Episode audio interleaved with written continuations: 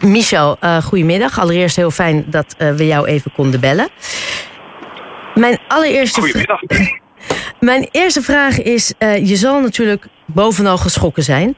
Dirk Wiersum is lange tijd werkzaam geweest in Haarlem. Dus veel van jullie collega's, en misschien jij zelf ook, zal hem gekend hebben of met hem gewerkt hebben. Hoe werd er in de Haarlemse advocatuur gereageerd? Ja, geschokt. Uh, en ten eerste gaat er ook mijn medeleven uit naar zijn uh, vrouw, kinderen en familie uiteraard. Ja, het was een, een hele kundige en hele aardige advocaat. En het is nog ja, onwerkelijk om te beseffen dat hij er niet meer is.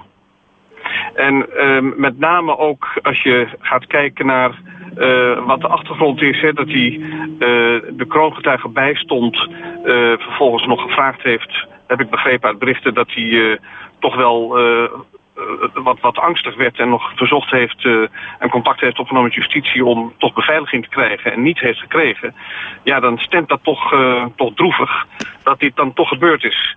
En um, daarnaast is het ook zo dat het eigenlijk een hele zinloze moord is geweest, omdat het, het werk wat de kroongetuige heeft gedaan en zijn advocaat, dat is natuurlijk de onderhandeling en het afleggen van belastende verklaringen op verzoek van justitie, ja, dat is eigenlijk al gebeurd. Dus wat dat betreft uh, heeft het helemaal geen zin gehad om uh, Dirk uh, te executeren als er al een link kan worden gelegd tussen zijn dood uh, en de zaak van de, rondom de hoofdverdachte Taki. Dat moet natuurlijk nog worden aangetoond. Maar op zich is uh, eigenlijk het een uh, hele zinloze exercitie geweest. Die ja, eigenlijk nergens op slaat. Want als jij zou mogen speculeren, je zegt dat. Wat denk jij dan dat ze hebben willen bereiken? Of denk je dat ze überhaupt achter de feiten aanliepen? Nou ja, in zijn algemeenheid denk ik ook niet uh, dat uh, als je iets wil bereiken in zo'n zaak met deze zinloze moord, bijvoorbeeld het vertragen van het proces of uh, zorgen dat uh, de kroongetuige zonder advocaat moet, dan heeft dat ook niet zoveel zin. Het, ik, ik ga ervan uit dat de Kamer die deze zaak behandelt in Amsterdam, al, die is al op een beveiligde plek, uh, wordt die zitting gehouden. Ik denk dat men daar wel uiteraard bij zal stilstaan, maar niet dat dat tot vertraging zal leiden. Integendeel, ik denk dat de zaak gewoon doorgaat. En ik, ik, ik, kan me zelfs ook voorstellen dat mensen om heen dat ook op prijs zullen stellen. Dus wat dat betreft lost dat niks op. Ik denk wel dat uh, dit enorm uh, veel effect zal hebben voor advocaten die nu worden gevraagd om een, kroongetuige bij te staan. En ook in lopende zaken dat dat grote problemen gaat geven. Omdat ja, mensen die normaal gesproken hun werk doen, doen zo'n klus ernaast. Ja, en je wilt natuurlijk niet als je door de rechtbank loopt worden gevolgd door... Ja, mensen in een pak. Want dan is het natuurlijk uiteraard, geeft dat misschien wel een schijn van veiligheid. Ja. Maar het probleem betekent ook dat je je niet meer vrij kunt bewegen. En natuurlijk vrij, duidelijk, vrij snel duidelijk wordt dat je wordt beveiligd. En kennelijk dus een kroongetuige bij het staat met alle gevolgen van dien. Ja, want denk jij dat advocaten nu door deze gebeurtenis uh, minder snel bepaalde zaken of bijvoorbeeld kroongetuigen zullen aannemen? Denk je dat dit een groot gevolg daarvoor zal hebben? Ja, ik denk het wel. Um, er is natuurlijk al eerder de broer van de kroongetuige vermoord. Uh, dus dat zal voor kroongetuigen op zich al een, uh, een, een, een, af, ja, een, effect hebben dat men wel voorzichtiger wordt om nog een, die, die stap te maken om kroongetuige te worden. Maar daarnaast is het ja, eigenlijk ook heel gevaarlijk, ook al zou je beveiliging krijgen, um, om het werk te doen om zo'n kroongetuige bij te staan in, in de onderhandelingen en in de begeleiding daarna.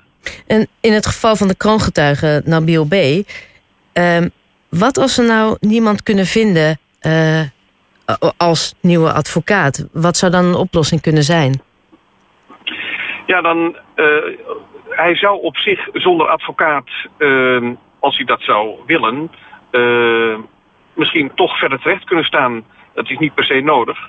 Uh, maar goed, ik kan me wel voorstellen dat er op zich misschien wel iemand hem uh, nog wel wil verdedigen. Maar goed, dan, uh, ja, ik weet niet uh, hoe diegene daar tegenaan kijkt. Misschien uh, als je geen gezin hebt of, of ja, ik, ik, het lijkt me een heel ingewikkelde procedure om dit werk nog veilig te kunnen doen zonder dat je in, in allerlei andere problemen terechtkomt.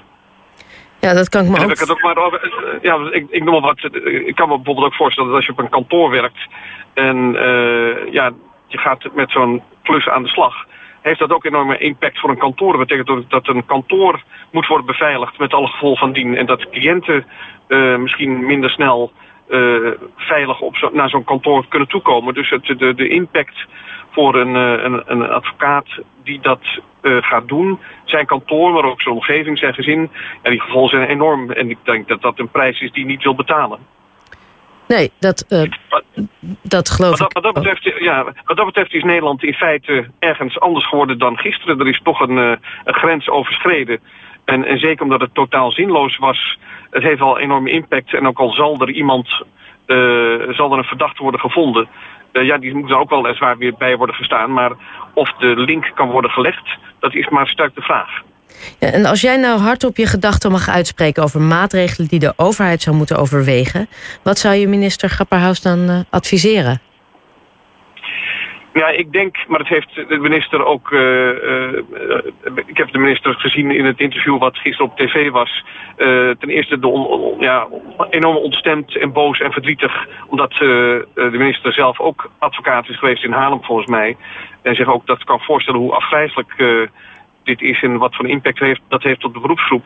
Maar ik vrees, en dat, dat heeft hij ook zelf al toegegeven, ik denk dat er structureel uh, op een hele andere manier moet worden gekeken naar de justitiebegroting. Wat betreft uh, de opsporing, vervolging, het gevangeniswezen en bovenal ook de advocatuur. Er, moet een, een er is heel veel blijven liggen. En ik denk dat dat, dat, dat betekent dat er heel veel werk moet worden verricht en veel meer geld moet worden vrijgemaakt hiervoor.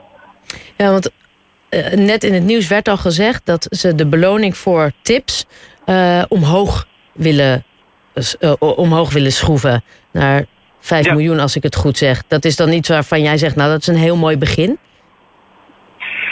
Ja, dat, dat is een beetje een sigaar uit eigen doos. Want dat, dat lokt op zich weer nieuwe executies en liquidaties uit. Want degene die een flink bedrag opstrijkt uh, ja, die is met dat bedrag ook niet veilig, want daarvoor is Nederland te klein. Je kunt je niet verstoppen. Dus dat betekent dat dat uh, misschien op korte termijn uh, wat oplost, dat mensen bereid zijn om tips te geven. Maar ik vrees dat dat weer een nieuwe golf van geweld zal geven. Dus ik denk dat er een structureel andere oplossing moet komen en misschien dat men ook met, moet gaan kijken naar hoe men dat doet in het buitenland of in de Verenigde Staten om daarvan uit wering te trekken. Want zoals het nu gaat, denk ik dat het een doodlopende weg is. Oké. Okay. Uh, Michel, heel erg bedankt voor je tijd en voor je antwoorden en voor je uh, ja, informatie die je hebt gegeven. Alsjeblieft en bedankt. Tot ziens. Tot ziens.